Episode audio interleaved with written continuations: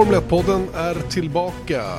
Janne Blomqvist, Erik Stenborg med Viasat Motors Formel 1-podd alltså, där vi denna vecka ska prata lite grann vad som har hänt sen sist. Vi tittar tillbaka på förra årets off-season start egentligen. Det är väl det vi gör. Eh, vi konstaterar idag också att silly season är helt över. Nu är alla platser på nästa års grid besatta. Amazon Web Services är någonting som Formel 1 tittar på. Vad är det för någonting egentligen och vad är machine learning och hur kan man ha nytta av det i Formel 1?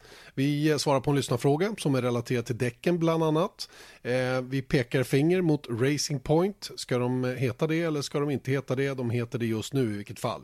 Marcus Eriksson testar Indycar samma dag som vi spelar in och sen ska vi naturligtvis också puffa lite grann för Ninas Formel 1 där samtliga fem avsnitt nu finns på Viaplay. Eh, god förmiddag Erik Stenborg.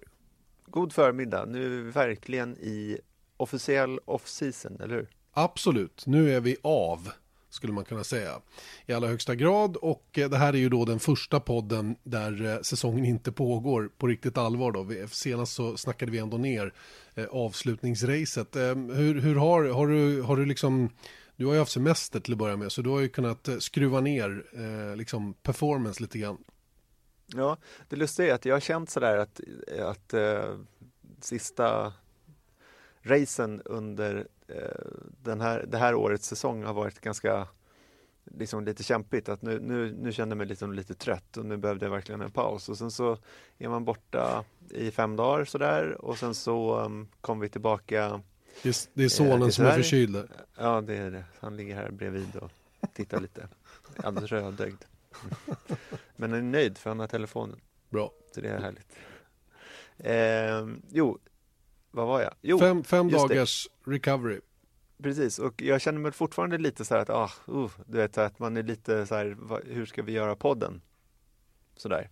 Samtidigt då, så igår när barnen hade lagt sig och så ligger jag i soffan och så, så bläddrar jag förbi via så motor. Ja, men då börjar ju precis Australiens Grand Prix. Och jag bara, den ska jag inte titta. Och sen så bara, men jag kanske, jag kollar lite. Och jag såg väl inte hela racet, men jag, men jag såg hela förstudion och kanske halva racet ändå. Mm. Och tycker att så här, men det här är ganska kul ändå. Mm. Så att man är ju lite störd. Ja, det, det, det, var någon på min blogg som tyckte det var begravningsstämning förra veckan och det var det kanske lite grann för ja, vi, av, av anledning som vi, vi pratade om saker och ting som inte var så roliga då. Men, men, men jag känner redan att man har, nu har det vänt. Mm. Eh, de, första, de första flygbiljetterna är bokade till exempel, de första hotellen är Alltså man går redan in i prepareringsmode på något sätt och börjar förbereda nästa år. Och, och, och den här känslan som man hade efter finalen, den, den infinner sig nästan varje år. Att man är, och det här är ju ett av problemen med 21-race tycker jag. Att man blir liksom, mm. det är verkligen itryckt det sista tills det tar stopp. Mm. Eh, och det här tror jag att eh, det, det, får bli mitt inlägg ifall vi ska ha 25 race eller inte. Jag tror inte alls på det. Eh, utifrån mitt eget perspektiv alltså, då jobbar jag med det här. Så att jag är inte rättvis att fråga i det avseendet. Va? Men, men jag tror man ska passa sig för att eh, göra för många race under en och samma kalender. Mm. Ja, och det är väl, de flesta håller väl med om det förutom Liberty då. Och jag förstår deras poäng med det också, att de vill ju fylla upp Formel 1-etern så mycket som möjligt. Men mm. ja, jag, jag, tror inte Jag hoppas inte på det faktiskt. Jag tror att eh, 21 går an tycker jag. Men jag tror att, eh, och det, jag hänvisar igen till den där undersökningen som Autosport gjorde under, ja, tidigare under året så frågade de ju faktiskt eh, folk som följde Autosport i alla fall och det var väl en 10 000 till slut som svarade på den där frågan och majoriteten låg ju alltså över 60 procent tror jag att det var, låg på mellan 18 och 20. Mm. Och då är det till och med fans då. Som Exakt. uppenbarligen är så intresserade så att de är inne på autosport.com och tittar. Och då tror jag att man kanske ska lyssna på det. Men samtidigt så, du vet, det är en förändlig värld så att man kanske, man kanske måste. Ja, jag vet inte riktigt hur man resonerar också om man tänker sig, okej okay, om vi har om vi har 25 race under en säsong så kanske vi har tittarna med under 17-18 race. Har vi bara 20 race, ja då kanske vi har tittarna med under 14-15 där de ser liksom varje lopp då. Mm. Och ju fler race man har, jag vet inte, om, om man, för det är eyeballs man söker, det har vi pratat om mm. tidigare. Det är ju hela tiden ögon som kollar på produkten som man söker på ett eller annat sätt då. Och um, det börjar ju kristallisera ut sig lite grann hur man söker de här ögonen så att säga för att exponera eventuella sponsorer. Det är ju inte bara renodlat genom tv-sändningarna längre utan det är ju på väldigt många andra sätt som man söker eh, uppmärksamheten från konsumenten då. Mm. Eh, och Visst allt det då för, för att sälja. Och, och, och det är där jag menar då att den här tiden för Formel 1 sida, där är ju bara en kostnad egentligen för de har ju folk anställda och hej och hå. De, de tjänar inga pengar i Nej. december, januari Nej. för att det händer ingenting. Så att ju tidigare de kan börja och ju senare de kan sluta och alltså förlänga året desto mer pengar går det att tjäna på produkten Mm. och ju fler eyeballs är det.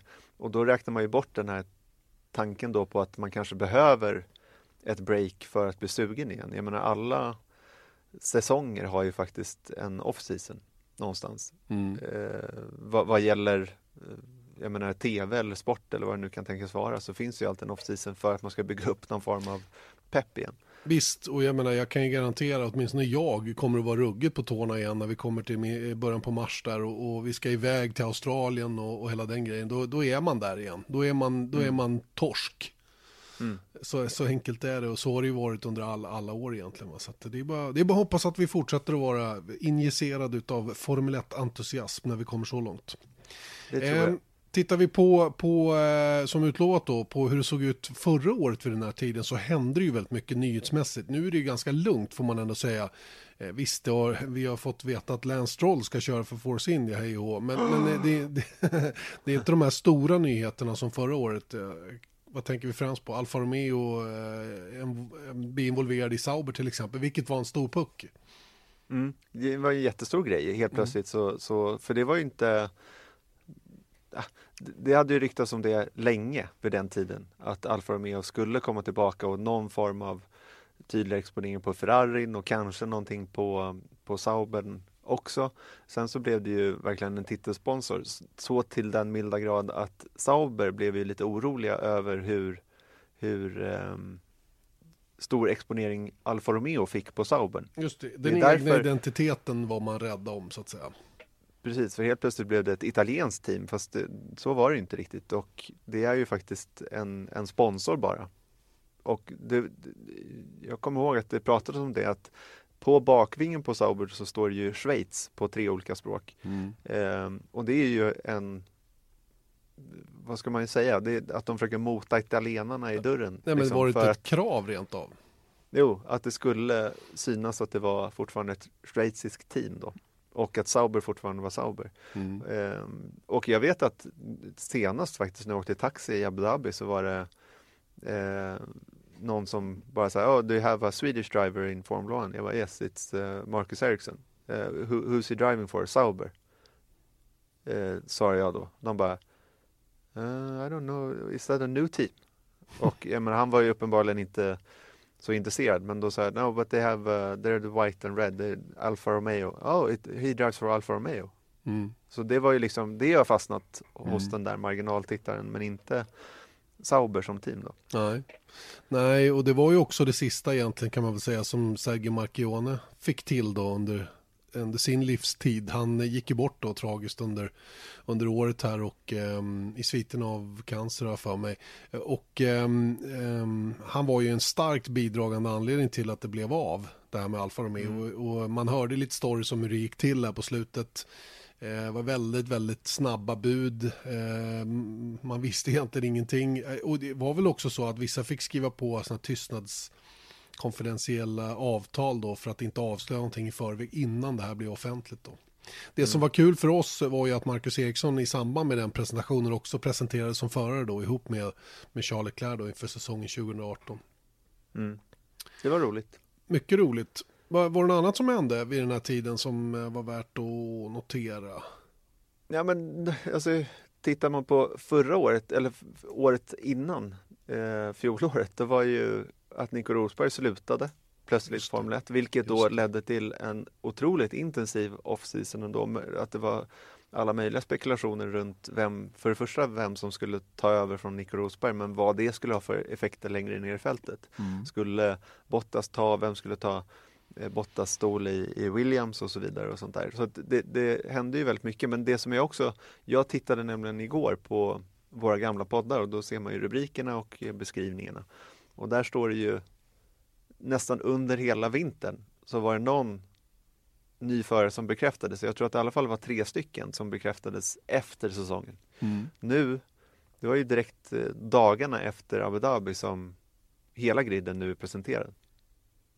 Så det Ja. finns ju ingen silly silly season är ju verkligen helt över. Ja, det är den. Och ehm, ehm, det är lite intressant. Fra, framförallt blir det ju en väldigt, väldigt ungdomlig grid nästa år. Mm. Eller hur? Fyra stycken rookies kommer in. En nästrookie och fyra rookies. Hur mycket man kan kalla, kalla dem det. Det är väl egentligen Albon som är den riktiga rookien. Mm. Han har väl knappt kört Formel 1-bil överhuvudtaget. Så vitt jag vet. Eh, Alex Albon alltså som körde för Dams i Formel 2 under året. Som tillsammans med George Russell, Landon Norris och Antonio Giovinazzi då, eh, som vi kallar dem de nya då. Giovinazzi har ju kört två race, som ni bekant kommer ihåg eh, i början på 2017 då när, när Pascal Wehrlein var skadad. Men eh, han får ju ändå anses vara en, en, en, eh, en, eh, nykomling då i Formel 1. Men som sagt, Alex Albon då, som blev klar för Toro Rosso här förra veckan, eh, är ju verkligen rookie i ordets rätta bemärkelse. Mm. Och äh, ja, du, om man jämför med Russell och Norris som förvisso har kört lite Formel 1-bil. Eh, de har inte så testat lite, lite. heller. Inte så lite heller. Nej, men tänk på vad Lewis Hamilton gjorde, vad Jacques Villeneuve gjorde på, på Visst. den tiden. Visst. Då är de hyper-rookies i jämförelse med det, när de fick testa tusen mil liksom, innan Mm. de ställde upp sig i Australien. Och nu får de ju en hel del testdagar, en hel del fredagsträningar under året. Och sen så, men nu har de ju bara fyra dagar under försäsongen, sen ska de tävla. That's det är it. den där, äh, Mm. Nej, Albon får lite uppförsbacke i det avseendet. Jag vet inte, det är lite intressant det här med hur Toro Rosso tänkte där. De sparkar ut Brendan Hartley då och gör det ganska bryskt måste jag säga. Honom har de jobbat mot egentligen hela året. Eh, och eh, velat bli av med på ett eller annat sätt. Jag minns att diskussionerna började redan i Monaco om att, eh, att, att McLaren ville stoppa in Landon Norris istället för för Brendan Hartley då som, som Red Bull inte var riktigt nöjda med redan så tidigt på säsongen alltså. Sen har det inte varit någon uppförsbacke Det här är direkt. maj. Det här är maj, ja, precis. Och sen så lyfte sig visserligen Hartley lite grann då, men vi hörde honom börja tycka att fasen, jag har inte riktigt teamet support bakom mig här och och eh, det fanns ju som sagt prestationsklausuler i hans kontrakt då som inte hjälper till direkt när man vill behålla sin plats. Han hade ju faktiskt kontrakt för 2019 också då, men det lyckades man då till slut frigöra honom ifrån då. Sen om man har fått någon ekonomisk ersättning eller om det var på, baserat på någon klausul som han åkte ut nu, det, det vet inte jag, men, men Alex Albon kom i alla fall in istället. Eh, och som i sin tur satt fast då i det här Formula E-kontraktet då med Nissan. Och han ersätts där utav eh, Oliver Rowland då, som tidigare var någon form av utvecklingsförare i Williams då och eh, runner-up i Formel 2 eller om det var GP2. Oliver Rowland, det är en sån där, ett sånt där namn som har varit on the brink i typ tio år. Ja. Lite så. Han var väldigt, väldigt stark i World Series, han var väldigt stark i GP2 och i kanske Formel 2. Jag minns faktiskt inte om man körde första året i Formel 2 eller inte. Hur som helst så har han, precis som du säger, va, varit liksom, han har legat där och vibrerat hela tiden då, men aldrig riktigt haft slantarna. En annan förare, faktiskt med samma bakgrund som jag upplevt var likadan, fast några år tidigare, det var Jack Harvey. Jack Harvey nu som kör uh, Indycar inhopp, eller kör utvalda race i Indycar i alla fall, också faktiskt med Schmidt Peterson, då, fast i en annan, i en annan konfiguration då, med en annan partner. Mm. Eh, han kommer också från där Racing Steps Foundation, vilket också Oliver Rowland gjorde. Eh, Oliver Turvey, en annan eh, förare som inte nådde hela vägen fram, hade också Racing Steps Foundation då, som är en sån här stiftelse som hjälper unga britter framåt. Eh, men, men de har liksom inte lyckats slå hål på väggen in i Formel 1 där med, med just sitt koncept då. För att eh, det har saknats slantarna nu. Och tittar man på Russell, Norris och Albon så kommer de ju alla tre nu då, eh, vi kan väl kalla Albon för britt, eh, via förarprogram. Mm. Mercedes, McLaren och Albon då delvis med, med, med Red Bull. Eh, Albon som faktiskt var på väg att lägga av här när han inte riktigt visste vad han skulle göra eh, och, och när han blev av med, med Red Bull-backningen. Men eh, han bet i och han fick fram vad det kostade att köra de inledande racen i år i Formel 2 för Dams. Eh, och han var så pass stark i början här så att de valde att, att att, köra vidare med honom. Och det har sen i sin tur betalat honom tillbaka flerfalt då när han nu får plats i, i Toro till nästa säsong. Det är, rätt, det är en rätt sjuk historia faktiskt. Det skulle vara roligt att prata med Alex Albon om hela den här vägen fram egentligen. Vi får väl chans till det 2019, ja. kan jag tro. Man kanske kan få tag i honom under vintern också, man vet aldrig. Mm. Ja, men det, det, kan vi faktiskt göra. Mm. Kanske vi, det vi ska satsa på om det inte kommer några nyheter. Söka upp lite F1-förare. Tycker jag. Tycker jag, vore en, tycker jag vore en toppenbra idé. Nej, Alex Albon, det är, ett, det är, ett, det är en kul, eh, det är en kul, eh, en kul förare som jag är lite spänd på att se hur han kommer att lyckas. Sen eh, kanske inte är något världsmästarämne, men, men väldigt, väldigt bra i alla fall. Och så som han har hanterat årets F2-säsong eh, tycker jag gör honom väl värd att få kliva upp. Och att få upp tre förare från Formel 2 till Formel 1 är också unikt. Jag vill minnas att det, om det har hänt någon gång, att det är väldigt länge sedan i alla fall som man tog topp tre i, i eh, klassen under Formel 1 då, som tar steget upp i Formel 1 säsongen efter. Mm. Sen har vi några, alltså eh, när vi pratar rörelser på eh, förarmarknaden så konstaterade vi innan vi började spela in här att det är bara två team som har sina lineups från 2018 eh, intakta till mm. 2019 och det är Haas med Kevin Magnussen och Romain Grosjean och sen så Mercedes med Hamilton och Bottas. Vet du vad som är signifikativt med de två teamen och de två lineupsen? Det är att de har haft de, de, de har två teamledningar som har varit väldigt måna om att sina båda förarkonstellationer ska må bra. Båda de här teamen har under året i år haft en av förarna som inte riktigt har varit på sin nivå men ändå gett honom full support hela vägen fram. Vilket gjort att man av och till då ändå har varit på en, på en väldigt, väldigt hög nivå. Och man behåller också de här gubbarna som trots att det har gått lite knackigt under året ytterligare en säsong. Och jag tycker det, det säger en del av både Mercedes och, och Haas faktiskt när det gäller personalpolitiken om jag kan kalla det det då. Eh, vi har ju berört det tidigare det här med hur, hur Formel 1 faktiskt saknar en hel del när det gäller teamjobbet och lagandan och den här feelingen att man ska vara trygg i teamet. Även om, man, om det går lite tungt i perioder så ska man ändå känna sig trygg. Man ska inte mm. direkt känna sig hotad bara för att det står tio andra och vill in och ta hans plats. Utan man måste jobba noggrannare med att få ut maxprestation från förarna tillsammans med teamet. Det har man mycket att vinna på anser jag. Ja, och jag skulle nästan vilja lyfta det där till ett ännu större perspektiv i form av att få förare att på något sätt känna sig välkomna i Formel 1. Om man tittar på vad som hände med eh, Felix och Marcus nu när de blir bekräftade för, för eh, Indycar. Då går liksom Indycar ut på sina sociala mediekanaler och, och eh, är väldigt sådär om sig och kring sig om, och tycker verkligen att det är kul att de här två killarna kommer till till eh, Indy. Sen så ska vi ju komma ihåg då att jag menar Indycar är väl max en tiondel av eh, intressemässigt av eh, Formel 1 där. Så att det är en hårdare miljö överlag i Formel 1 så det får man väl köpa på ett sätt. Men det är just den här det är ganska tydligt att det finns lite management by fear vibbar i Formel 1. Fruktansvärt mycket av den varan och jag tycker det är så himla tråkigt eh, att se faktiskt förare som, som Stoffel van Dorn, en, en talang nu som, som vi går miste om helt enkelt för att han har blivit mismanaged på något sätt i, i Formel 1. Han har aldrig riktigt, eh, de har aldrig tagit hand om honom på det sättet som man tycker att en sån kille är värd. Med flera. Eh, vi nämnde Brandon Hartley, hur, liksom, de får aldrig en riktigt fair chans. Eh, på det sättet som jag tycker att de borde få. De, de blir direkt omgäldade av rykten om att inte få behålla sin plats och hela den grejen. Och det gör aldrig en människa bättre.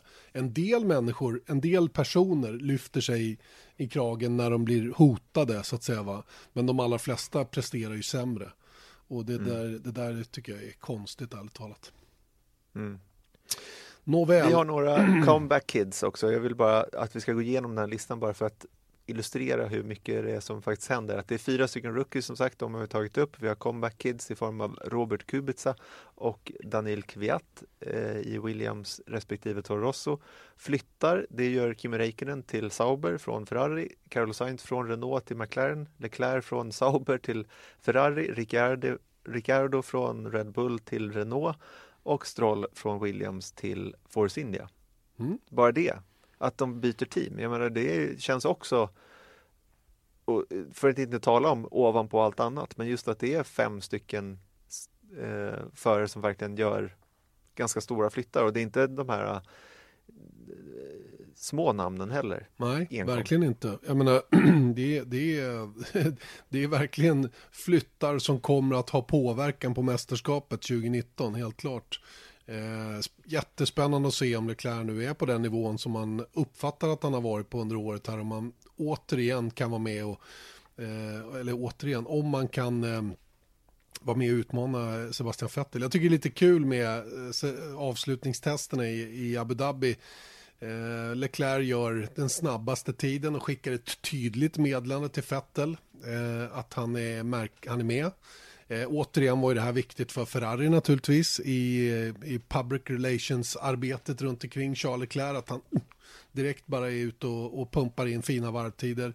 Eh, lite, lite, lite intressant faktiskt att se hur den interna eh, kampen kommer att se ut. Apropå det vi pratade om tidigare om att båda förarna ska känna sig trygga i sin situation. Vi får se hur Ferrari hanterar det här nu.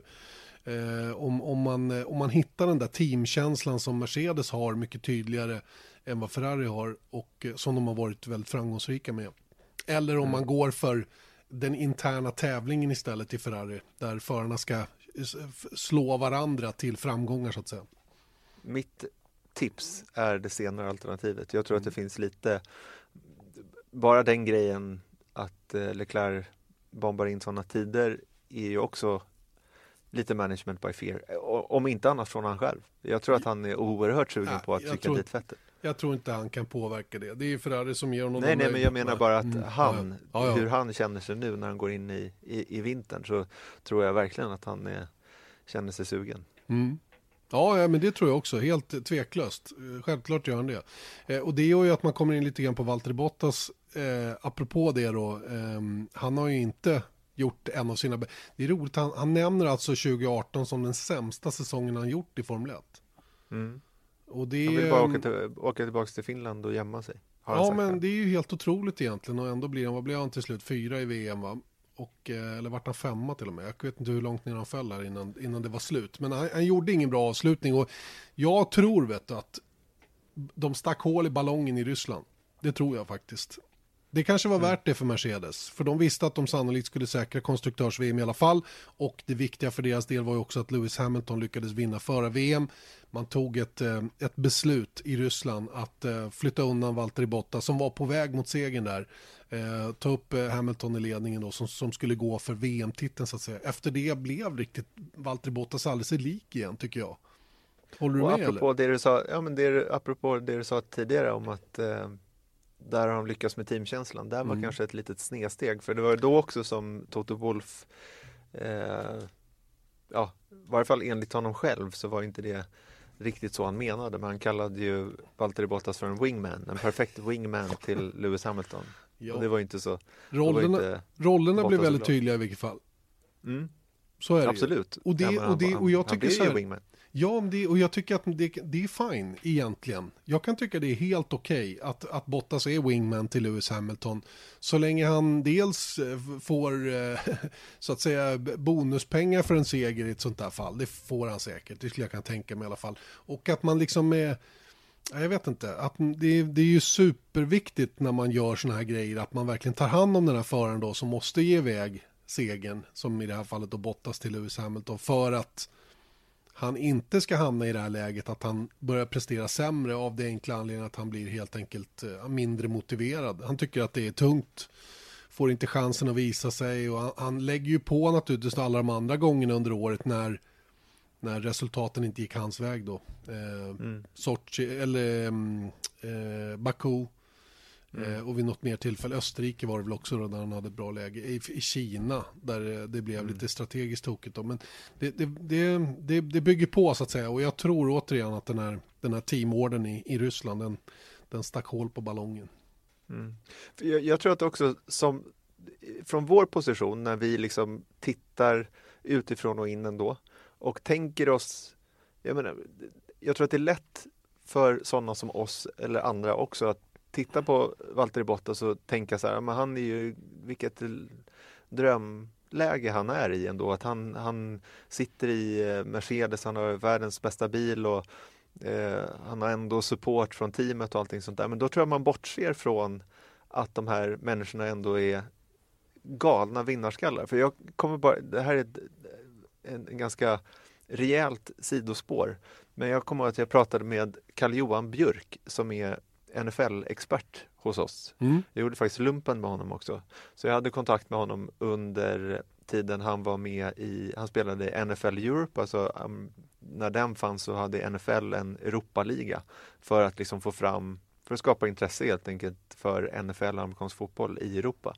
Och sen så fick han då ta steget över till USA och då var han med i tre säsonger tror jag att det var i NFL-lagens practice squad, alltså de träna med lagen men de får inte spela matcher.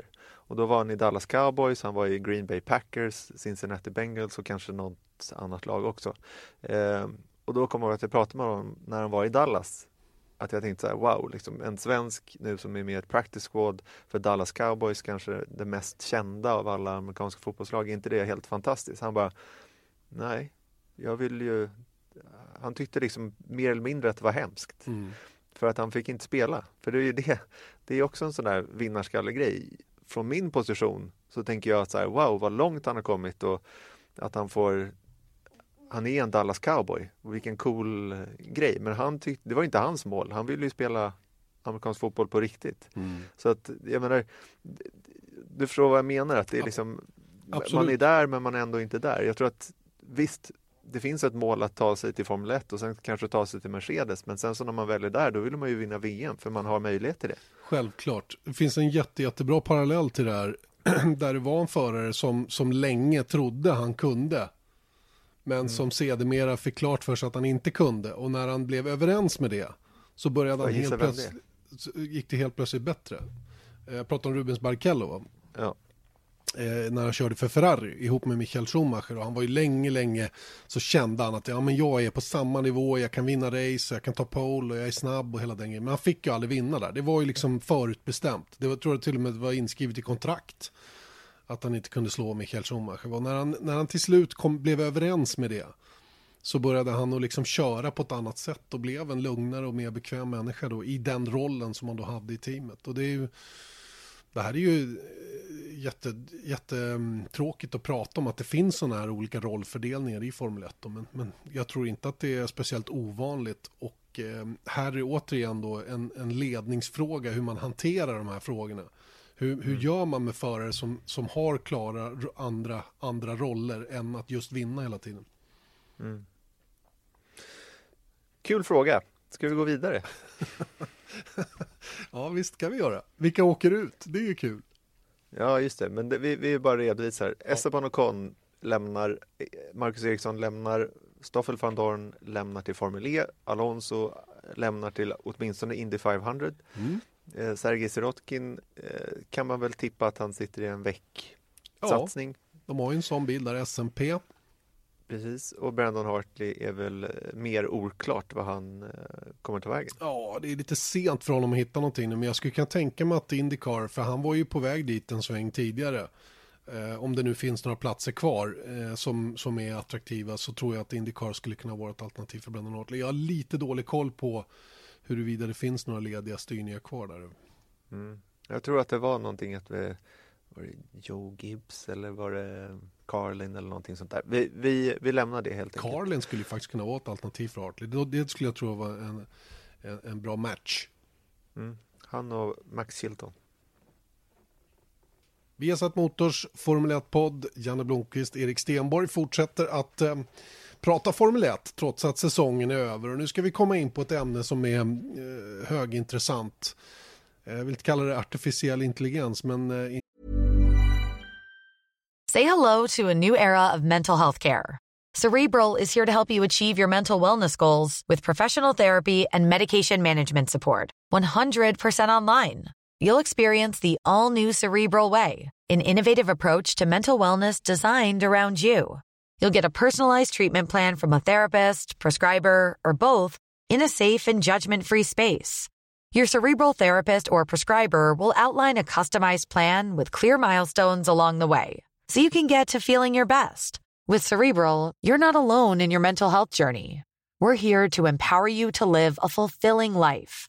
So take that first step towards a brighter future and sign up today at cerebral.com slash podcast and use code ACasts to get 15% off your first month. Offer only valid on monthly plans. Other exclusions may apply. Offer ends July 31st, 2024. See site for details. Inte så långt ifrån. Mm. Det är nämligen så att eh, Formel 1 har med hjälp av Amazon Web Services, alltså AWS, och de jobbar ju, de är ju partners, Amazon och eh, Formel 1 är ju redan partners i form av datatransferering då med tillsammans med Tata Communications eh, som de håller på med. Och det är då helt enkelt att jag tror att det var från 2017, jag är inte helt hundra på det, men från 2017 så var det ju eh, Formel 1 centralt då som, och FIA som tog över all telemetri och data som kommer från bilarna. Så allting går då genom ett gemensamt system in i Formel 1 vilket gör då att man har kunnat bygga vidare på eh, tidtagning och grafik i rutan till exempel. Då. För de har all, all data som kommer från bilarna har Formel 1 tillgång till. Sen så har de ju inte rätt att lägga ut allting. Då. Men det som har kommit ut nu då är att de har lagt ut tre olika exempel eh, på grafik som skulle kunna, inf kunna införas till 2019. Eh, jag gissar, jag ska faktiskt på till eh, London igen på en sån här workshop, eh, broadcaster workshop, så då kommer jag nog få mer information om detta. Jag tror jag ska hoppa med, jag ska hoppa med i resväskan. Kanske. Mm. Jag tror, jag tror det, det, skulle passa dig bra där faktiskt. Mm. Du, eh, vi ska säga att det här är alltså tv-grafik då som man planerar att införa då med hjälp av den här Amazon Web Services och eh, så kallad machine learning då. Att vi mm. som tittare då ska få tillgång till till hur en dator tänker sig att saker och ting ska kunna inträffa på banan då. Det här är lite coolt ju. Kan du inte förklara lite, lite mer om, om hur det funkar? Mm. Och jag tror faktiskt att det de har lagt ut nu är för att få lite input från tittare. Vill man ha det här eller vill man inte ha det? För jag tror inte man bara liksom stoppar in. Liberty är så amerikanska och känsliga till, runt vad man inför och inte. Så att jag skulle tro att de är väldigt sugna på att införa det. Samtidigt då så finns det lite baksidor, vilket vi kommer till då. Men tre exempel har de lagt ut som sagt och den första som vi kan titta på är Overtake Probability och man kan se sådana här, um, de här klippen. Om, om ni googlar, vi får väl lägga ut det på vår um, Facebook-sida, facebook.com F1-podden, lägger vi ut de här videoklippen. Men det är Overtake Probability, alltså sannolikhet för omkörningar. Och det man ser då är helt enkelt eh, att den här äh, maskinen, skulle man kalla det, tar historisk data och sen så eh, tittar på, tar bilens data och sen så räknar den ut var kommer det en omkörning här eller inte och på vilken sida kommer han försöka och eh, på vilket sätt kommer han göra det? Och då ser man då staplar som rör sig upp till 99% eller eh, 0% att han kommer gå till vänster eller höger eller kommer han försöka bromsa förbi här eller någonting sånt där. Och det är helt enkelt då att man som tittare ska få en föraning om eh, vad som kommer ske helt enkelt. Mm. Okej, nu, nu linar de upp här på Monza. Någon ligger bakom i växellådan. Kommer han gå till vänster eller kommer han gå till höger? Det kan helt enkelt, i varje fall inte de kan i alla fall ge en stor sannolikhet vad just. som kommer ske just in i den här kurvan. Mm. Och, det, och det är ju en del att man kan eventuellt se var en omkörning kommer att ske, om den kommer att ske överhuvudtaget. Sen har vi ju även annan, annan data som finns tillgänglig då. Däcktemperaturer till exempel skulle kunna, skulle kunna presenteras på lite olika sätt. Och, eh, hur föraren har tagit hand om däcken då, om man ser till hur de olika varven, och antar att sån data då bakas in i den här maskinen också. Eh, hur man tjänar på att gå i depå vid olika tillfällen. Om, om, eh, om de då sen räknar på antal varv som ska göras efter stoppet eh, i förhållande till före och så vidare. Mm. Ja, precis. De två övriga då i Car Performance kallas övergripande och genom den grafiken då ska man se temperaturen på däcken, du ser eh, oljetemperatur, du ser vattentemperatur, du ser på alla fyra däcken. Alltså på vänster fram så har du 70 grader, på vänster bak så är det 108 grader. Ja, då säger det att eh, det sliter väldigt mycket på vänster bak här och så, så trattar de ner det här då till en overall procent. På grafiken så står det 67 procent nu. Så är car performance ja, car performance är helt enkelt på 67 procent om man räknar med att 100 är då är max. ny. Mm. Just det. Men det, det, det, det här väcker några frågor ändå när vi pratar om de här grejerna. Det är ju hur, hur, eh, hur är vi skapta att analysera den här informationen vi får?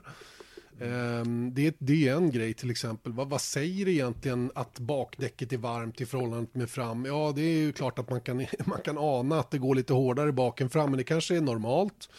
Vad är arbetsfönstret och så vidare. Det krävs ju en massa annan information också då för att man för att man ska kunna tillgodogöra sig allt det här eh, samtidigt då som man ska vara med och följa racingen som sådan.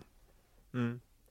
Ja, men jag, jag tycker, för, först när jag såg det här så tyckte jag, oh, coolt liksom. Allt nytt tycker jag så här, gut reaction är, är coolt och bra. Liksom. Vet, speciellt eftersom Formel 1 har legat lite efter i grafik och sånt där. Att rent produktionsmässigt så har det väl inte varit, om man jämför med Nascar till exempel, så har de rätt coola Eh, features i, i sina sändningar.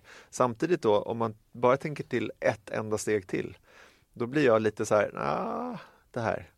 För att helt plötsligt, en grej för mig i alla fall, och nu utgår jag bara från mig själv, men när jag sitter och kollar på Formel 1 är att jag vill gissa själv och tro någonstans att det kan komma en omkörning här. Jag vill inte se på en stapel att det står 0% Så att man går på det. Och jag menar, sen så finns det alltid avarter att även om det står 0% så kanske Fettel som ligger framför eh, Leclerc eh, han bromsar på sig för han är ändå stressad. Mm. Och, och, och, då kommer det där ändå, även fast det kanske stod ja, bara 17% chans för en omkörning. Så jag vill liksom inte... Nej, jag känner lite att det, ja, jag blir lite skriven på näsan. Liksom. Mm. Det kan också döda den, den, lilla, den lilla spänning som man kanske själv vill hålla liv i på något ja. sätt genom att presentera eh, en sanning då, eller vad ska jag kalla det då, en, mm. en sannolikhet snarare än en sanning då, eh, som är väldigt låg då till någonting som man egentligen vill ska ske, eller vissa vill ska ske, andra inte vill ska ske. Va? Det, det är synd om man, om man talar om hur det ska gå i förväg. Jag kan hålla med om det faktiskt. Det, det jag vill ha, det är ju mera sådana här, jag vill se hur mycket soppa de har kvar, till exempel. Mm. Hur mycket startade de är. Jag vill ju se hur batteriet mår eh, hur mycket uppladdat, när de använder overtake button. Alltså den typen av information är ju mycket intressantare för mig. Nu inser jag ju att det blir väldigt, väldigt svårt att få tillgång till just den typen av information, men det är ju, och däcktemperatur, det kan jag också tycka är en viktig faktor, om jag nu vet var, vilket temperaturfönster de ska röra sig i. Det är ju en ytterligare information som man måste ha för att det ska, för att det ska vara men, tillgängligt men det, för mig. Ja, men och jag tycker än en gång då att så här, nu när vi säger så här att ja, men de där temperaturerna och, och featuresna på bilarna, ja men det är väl bra att ha och även overtake button. Overtake button tror jag att skulle vara en ganska cool grej att på något sätt att det eh, ger en indikation på att de okej, okay, nu attackerar han i alla fall, mm. så då vet vi det. Men när det blir alldeles för mycket detaljer runt det, vad, vad ska vi göra av det? Mm. Det är så här, Okej, okay. men hans bakdäck är slut, det står det på grafiken. Mm. Det är väl nästan roligare att se så här, ah, men han, han, han är på väg nu. Nej, det går inte. Mm. Förstår du? Att det, mm. liksom, det är just gissningsleken som jag tycker är ändå en grej. Och det här menar jag inte från vårat perspektiv att vi vill liksom försöka bygga någon produkt som ska verka mer spännande än vad den är. Utan det är nästan tvärtom. Med att det är en grej för mig när jag tittar. Och än en gång, jag utgår från mig själv. Men mm är att jag vet inte exakt vad som kommer ske. När, ju mer sådana här äh, sannolikheter och allt sådant när man blir matad av det, ja, men då, då blir det inte lika kul. Och det är samma sak när ni, om ni skulle kommentera att ja, nu är det fem var kvar, Hylkenberg är på gång och jagar ifatt eh, äh, Kevin Magnussen. Om, om en kommentator i det läget skulle säga nej, det går inte. Nej, men Även fast det, Visst, då, då, då, då, är det inte lika kul nej, heller. Sen har... så ska inte ni säga att någonting är på väg att ske som inte är på väg att ske, för det tycker jag ändå att ni gör bra i kommenteringen att så här, ja, det här, ja, vi får se, vi får se liksom. För att mm. man vet ju inte, men det är igen den här grejen då att om man ser att okej, Hylken är, Hylkenberg är på väg och Kevin Magnussen eh, nej, men det ser svårt ut, men helt plötsligt tar han Magnussens däck slut sista varvet. Ja, men helt plötsligt kommer det där ändå. Mm. Om vi redan har avrättat den tesen, då blir det inget kul. Vi har ju faktiskt ett verktyg redan idag som, som touchar lite på det här att, att kunna avslöja i förväg. Eh, det är ju våran timing screen 5 som mm. inte finns tillgänglig för någon annan än oss som kommenterar. Och eh, den, den är ju lite lurig för den ger oss, den ger oss tidsindikation var 200 meter. Mm. Och det betyder att jag väldigt, väldigt tydligt, den, den, den, man alltså, varvet typ är indelat i små pluppar. Som antingen blir, eh, eh, jag tror de blir vita, de blir gröna eller lila då, beroende på om du inte är på väg att förbättra dig, om du har ett personbästa eller ett all over bäst så att säga. Va? Plus att vid varje sån 200 meters mätning så får du en stoppklocka längst ut till höger som antingen är då vit, grön eller, eller lila.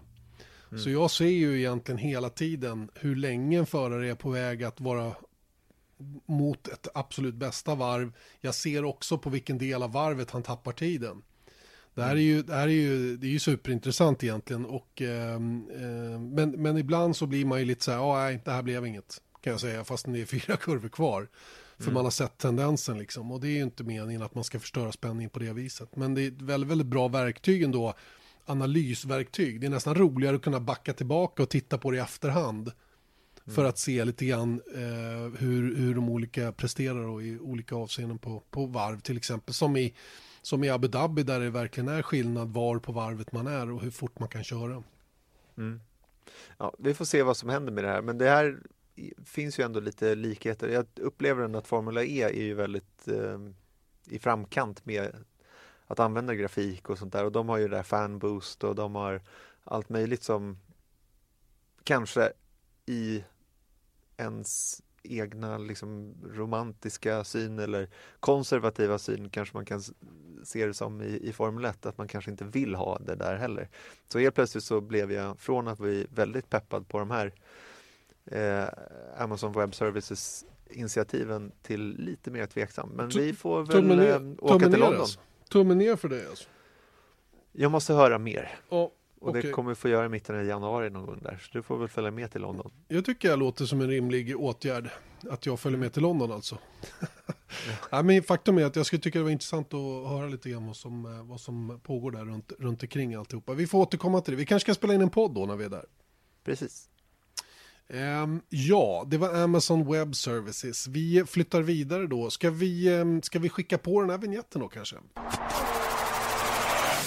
Lyssnarfrågan presenteras av Pirelli. Pirelli. Power is nothing without control. Just det, en lyssnarfråga Erik, som idag kommer ifrån Thomas Jussila. Korrekt, och han har ställt två frågor varav eh, en har vi tagit hjälp för att få svar på och en tänkte vi försöka, försöka svara på själva därefter. Men vi börjar med eh, eh en fråga som vi skickade vidare till Mario Isola, alltså Pirellis motorsportschef.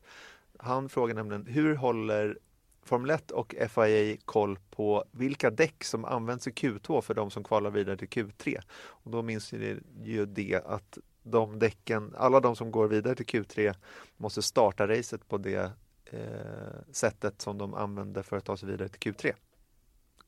Kan man säga så? Det kan man göra. Och ja. eh, hur, hur håller de reda på däcken överlag kan man ju undra.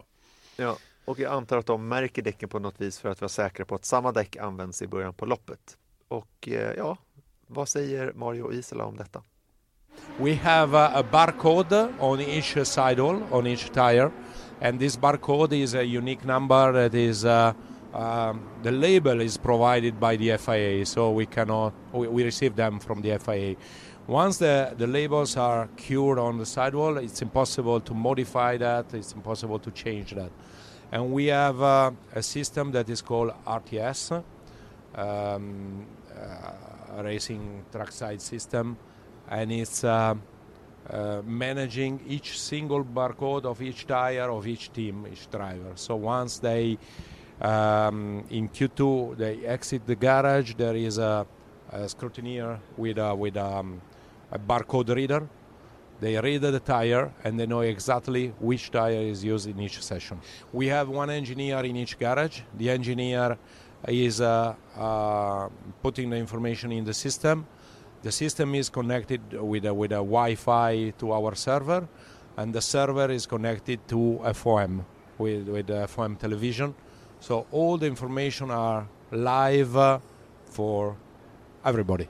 We have uh, a set number that is associated to four barcodes. So uh, when uh, the cars come in in the garage, even if they change last minute, last second, the decision of the set, that it happened, for example, in wet condition, it could happen that they change, no, put the intermediate, not the slake, whatever.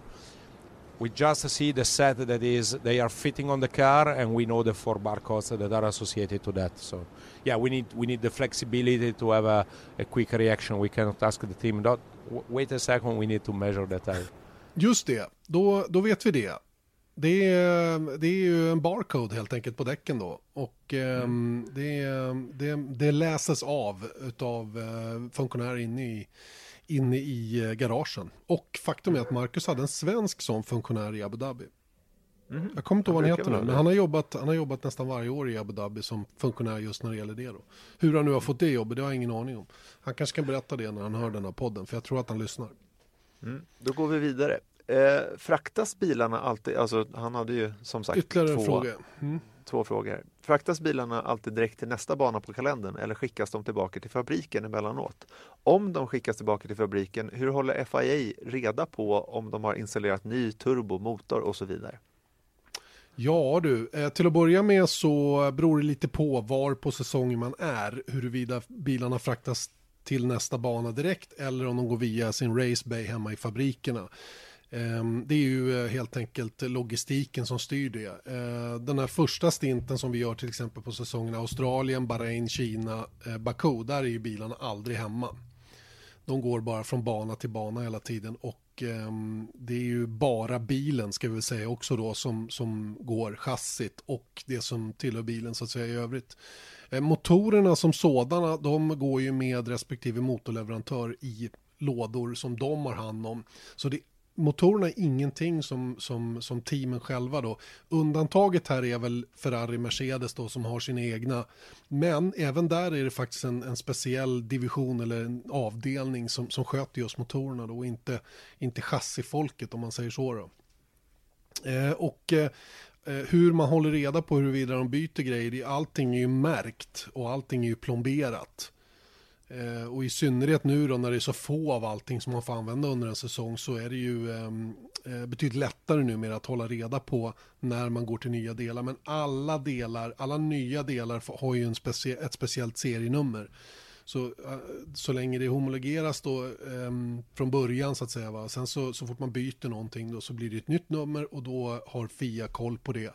Och det här, ehm, det här eh, det sker ju redan vid, vid besiktningen ehm, på torsdagen är det väl vad man besiktar bilarna innan, innan en racehelg. Då, då går man igenom då vad som är nytt och inte nytt. Och tar man någonting nytt så måste man meddela FIA det i god tid innan och så vidare. Så det är ganska noga koll på, eh, på just nya delar på bilarna. Mm. Thomas, du kommer få en Pirelli-keps. Men bara en. Podium-keps. Ja, bara en. Trots, du kan ställa hur många frågor du vill, men du får bara en. Fattar du? Nej, men vi tar kontakt med dig via vår Facebook-sida där du också ställer frågan, alltså facebook.com F1-podden. Jag vet att det finns en del som väntar på sina kepsar och det är helt och hållet mitt fel. Jag har liksom, ligger lite efter på alla möjliga fronter, men jag kämpar mig fatt eh, as we speak faktiskt. Så att eh, eh, var inte ledsna, det kommer kepsar till Ja, er. det är ändå såklart. ingen sol nu. Nej, men det är också lite kallt och det är kanske inte tillräckligt kallt för att ha tjock yllemössa. Så Nej. kanske man vill bara värma, vä- värma att Man säga. kanske bara vill ha en kebba, ja. Det är helt sant. Mm. Eh, vi börjar närma oss slutet av veckans podd. Vi har några punkter kvar. Eh, Racing Point, Racing Point eller inte Racing Point. Racing Point F1 är ju nu det nya namnet på Racing Point Force India, det som tidigare var Force India. Eh, och Racing Point är också namnet på företaget som äger eller som köpte gamla Force India som hette Racing Point Force India och, och som nu heter Racing Point F1. Är jag tydlig, otydlig nog? Nej, det var otroligt. Ja, Konstigt. det är sjukt krångligt. Det jag vill försöka komma fram till är att det här är ju dessutom bara ett interimnamn för det kommer inte heta Racing Point F1 när säsongen startar. Eh, och det är egentligen nyheten här. De heter Racing Point F1 just nu, de har tagit bort Force India Eh, men kommer att byta namn en gång till då innan säsongen startar. Vad det nu kommer att bli för någonting, det får vi se. Eh, inte någon större chock, men som vi nämnde tidigare då, Lance Stroll är nu bekräftad också för teamet. Lance Stroll som gjorde riktigt hyggligt ifrån sig då under testerna som kördes i Abu Dhabi. Han var väl fyra tror jag båda dagarna. Eh, fjärde snabbast, jag tror att han var det. Eh, och med där uppe så att säga då, vilket inte heller är någon skräll. Det går ju naturligtvis att, att fixa så att man är snabb under tester om det skulle behövas. Jag tror det var viktigt för Stroll i alla fall att få vara där uppe. Han, eh, hans karriär tar ju nu ett rejält omtag i förhoppningsvis då bättre material än han har haft tidigare och kanske får vi se vad hans riktiga potential är då mot en väldigt stark teamkamrat då som är Sergio Perez och som Ocon har haft fullt sjå att hålla, hålla jämna steg med. Mm. Och Ocon vet pratar... vi hur han anses i Formel 1-världen. Precis. Jag kan bara ta en liten fotnot där också. Att jag pratade med honom i efterkvalet när de kommer till den mixade zonen och så frågade jag vad har du för expectations, alltså förväntningar på morgondagen på racet? Och han säger eh, jag har inga förväntningar på någonting. Jag vill bara stänga. I, I just want to close this chapter, mm. sa han. Och så gick han därifrån. Så han var ju hypermotiverad. Undrar om Annie Bradshaw, undrar om Annie Bradshaw följer med honom till Force India, vad tror du? Skulle kunna hända tror jag. Anne Bradshaw som uh, har varit med i hundra år i, i Formel 1-sammanhang då som, som pressrepresentant för många förare och lite annat. Hon var bland annat, hade hon hand om Formula BMW-förarna säsongen 2007. Mm. Då var det en viss Lintotti från Kumla som körde det mästerskapet. Mm. Sen hade hon också Damon Hill under hans tid i Williams. Just det. Och numera har hon alltså, hon är anställd tror jag utav Stroll. Mm. Eh, för att sköta den, de, de, eh, de uppdragen då tillsammans med Lance Stroll och Lawrence Stroll och pappa som numera är ägare då till det här nya teamet Racing Point F1 som inte kommer att heta det när säsongen startar. Mm. Frågor det blir kul att se. Ja. ja. Eh, frågan är om bilen kommer att vara rosa, om det här BVT kommer att hänga kvar eller om den kommer att få några helt andra färger. Kanske står Ralph Lauren över hela bilen, man vet aldrig. Mm. Tommy Hilfiger också. Kanske. Till exempel, men då måste de ju mm. sno det från Mercedes. Det går väl bra. Det funkar säkert. Det. De kanske mm. kan lura över Lewis Hamilton också. Han har ju en egen kollektion där. Ja, vi får väl se. Det kanske står Lewis Hamilton på bilen rent av. rent av. Eh, apropå lintottar från Kumla ja, så eh, sitter han i en Indycar bil för första gången idag tror jag. Den 4 mm. december när vi spelar in där så är det tror jag testpremiär för Ericsson då i en Indycar-bil. Och det sker alltså på Sebring i Florida. Eh, och eh, Sebring är ju en väldigt speciell bana, väldigt ojämn. Här kör man ju Petit Le Mans bland annat, 12 timmars race, eh, sportvagnar. Och en bra testanläggning helt enkelt. Rätt coolt ställe faktiskt. Jag bodde på hotell, jag var med Alex Danielsson över dit när han testade för för uh, Conquest Racing tror jag de hette, en belgare som, som drev det teamet på den tiden. Uh, och han körde på den här banan och då bodde vi på ett himla cool hotell inne i stan där som var väldigt sådär, det var som att kliva in i en bandepå typ. Mm, Okej, okay. lite Suzuka Circuit Ja men uh, typ så. Eh, väldigt racinginfluerat ställe i vilket fall som helst. Det ska bli kul att höra Marcus kommentar efter den här testen. Vi hoppas kunna få tag i honom eh, under veckan här och eh, ha någon liten kommentar med i nästa veckas podd.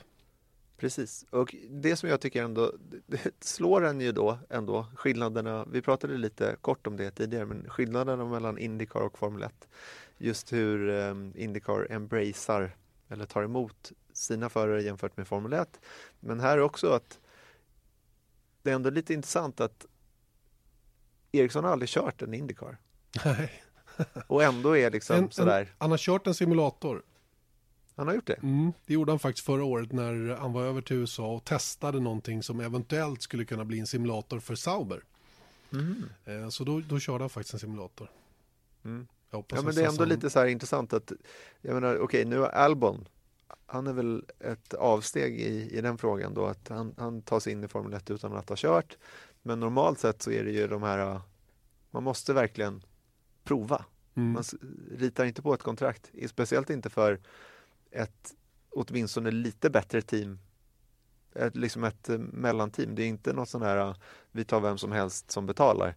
Det är inte ett sånt team som Schmidt Peterson är. Nej, verkligen inte. Eh, Tvärtom. Och jag menar, och jag menar eller Rosenqvist körde ju ett antal tester då för Ganassi såklart, men det är ju det är ju praktiken Mercedes i Indycar-sammanhang såklart. Då. Men jag tänker ändå att det är lite kul att det finns redan förväntningar på Ericsson men inte utifrån vad han har presterat i en Indycar utan vad han gjort tidigare i karriären. Inte så konstigt kanske, men det är ändå, det slår en ändå att tänk om man inte gillar det. Oj då, nu är du... tänk om man inte gillar det. Jag tror att Nej, men det, det, tror jag att han kommer göra. Men jag, du, du förstår vad jag menar, att det Mm, kanske, man pratar alltid om att så här, men Formel 1 eh, den förarens eh, stil passade inte i Formel 1 med groove tires eh, på 97 liksom. Att förstår du att det, Mm. det är ändå en hel del att ta in. Sett, sett till det så ska vi nog ha större förväntningar på, på eh, Rosenqvist faktiskt. Felix Rosenqvist som, som rent, eh, rent tävlingsmässigt har, har kört eh, merparten av en säsong i Indy Lights i alla fall och är mer bekant med tävlingsformen där borta. Eh, han sitter dessutom i ett väldigt, väldigt bra team och han, han eh, har ju dessutom en, en god känsla i kroppen. Visserligen gick japanska GT i, i år inte hundraprocentigt men Ja, egentligen inte heller Formel E-säsongen. Det, det var lite synd faktiskt att det blev så, men, men eh, oavsett vad så har han ju ändå varit framgångsrik fram till nu och, och, eh, och det har gjort att han, han belönats med den här platsen då i ett av toppteamen då ihop med Scott Dixon i Chip Ganassi Racing. Mm. Det ska bli sjukt Sjukt spännande att följa de här båda i det här mästerskapet. mm, väldigt, väldigt kul faktiskt. Mm. Då kommer vi vara bänkad i Sankt Petersburg, det kan jag säga.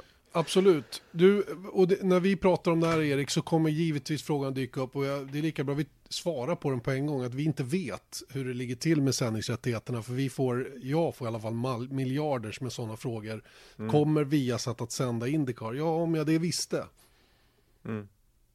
Ingen Ja, och jag måste säga det gamla vanliga att jag, vi kommenterar inte rättigheter som vi inte har. Nej. Det är det enda eh, som jag kan säga Mm, faktiskt mm.